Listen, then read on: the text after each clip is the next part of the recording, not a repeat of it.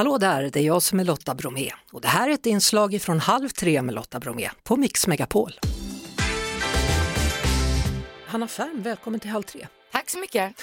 Du, var kul att det har liksom lossnat för dig känner jag. Tack så mycket. Jag blir också så himla glad att, eh, att det känns så. ja, men tycker du inte det själv då? För att när, när du övergick till att sjunga på svenska så har det ju hänt en massor.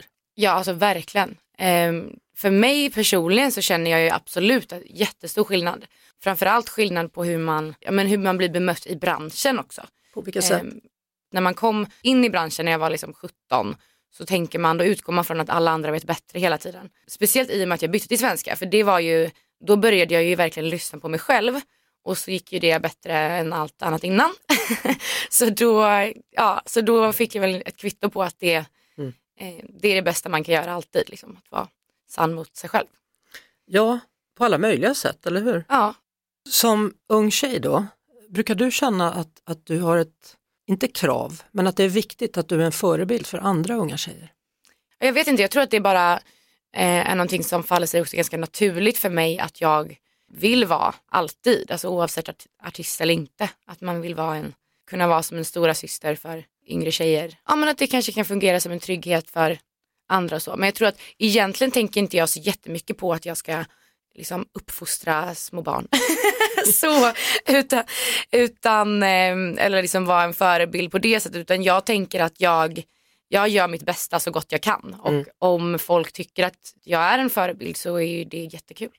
För, för det kommer ju undersökning efter undersökning där tonårstjejer har det, framförallt de då, även killar säkert, men framförallt tonårstjejer har det jobbigt liksom, för de mm. jämför mm. sig själva med andra, inte minst via sociala medier. Ja. Men där skulle jag säga att där har ju jag någonting varit en av dem och är en av dem. Precis som um, jag är ju inget, liksom, ingen expert eller någonting. Men jag tror att det är det också som kan vara lite skönt. Att man känner att, att man inte är ensam. Det som jag också vill också förmedla lite med min eh, nya EP och alla mina låtar som jag skrivit på svenska. Ja, men belysa mycket olika känslor och situationer som kan vara lite jobbiga. Men också se dem från en vinkel att så här, ja, ja men sånt är livet. Eh, man kan skratta åt det, man kan dansa till det, man kan eh, det är liksom, vi är ju bara en fis i rymden i alla fall i slutändan. Ingen aning vart jag landar, heter ja. EPn. Ja, Känns... du hör ju. Den är ingen aning vart jag landar. och det är okej. Okay. känns det stort att släppa en EP? Eh, ja men det gör det. Eh, eller det känns, jag har ju faktiskt aldrig släppt något samlat någonsin.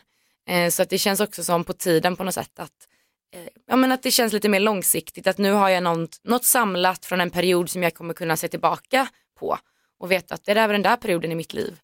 Kunna lyssna på det. Mm. Det är releasefest ikväll va? Ja! har du redan bestämt Vill du, ska... komma? har du redan bestämt vad du ska på dig? Ja. ja vad blir det? Eh, det blir helgult blir det. Mhm. Mm. Varför då? Jag, gillar färg, jag gillar eh, sätt och matchande grejer och sånt. Jag gillar byxor som man kan röra på sig så att då kände jag att det här blir, det blir en, bra, en bra blandning av allt. Mm. Jag tänkte vi ska lyssna på låten Slut då. Det är slut, ja det ska vi. Vad, vad vill du säga om den? Den handlar väl om en, en kärleksrelation som har tagit slut.